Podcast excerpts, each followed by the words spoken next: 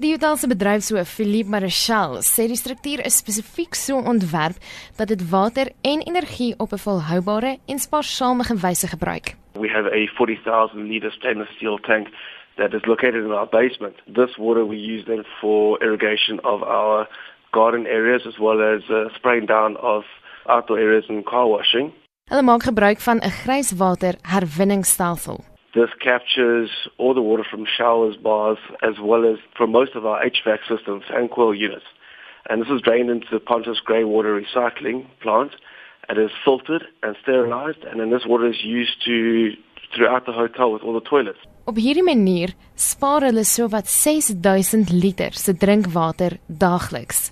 We have our low flow water filtering on all your shower heads and, and taps infrared sensor activated taps in all public toilets. We have waterless urinals in all the public areas, as well as dual flushing system.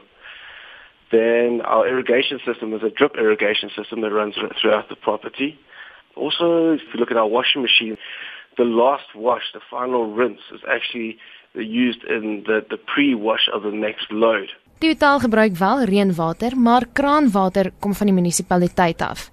Verder sê Marshall jy hoef nie noodwendig duisende te spandeer op waterbesparingsmetodes nie. Jy kan begin deur jou gewoontes te verander en bewus te raak van hoe jy water gebruik. Capture water from washing, uh, washing your veggies and use it to water your plants, etc. We do a couple of initiatives with staff making sure that they go around and report any leakages in the hotel, any running taps, basins gets reported straight away a lot of the systems that we put in the rainwater capturing you can use in a house environment. Hulle probeer ook bewustheid skep onder gaste. We reward not only our staff with our Avanti program but also our guests in terms of helping a hotel reduce waste, reduce energy, recycling. And we do that through our in-house currency called a Verdina. So part of obviously reduction of water usage is reusing of towels.